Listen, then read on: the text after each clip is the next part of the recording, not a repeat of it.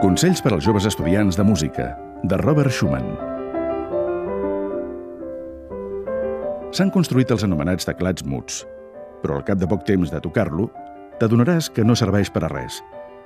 Com poden ensenyar a parlar als muts?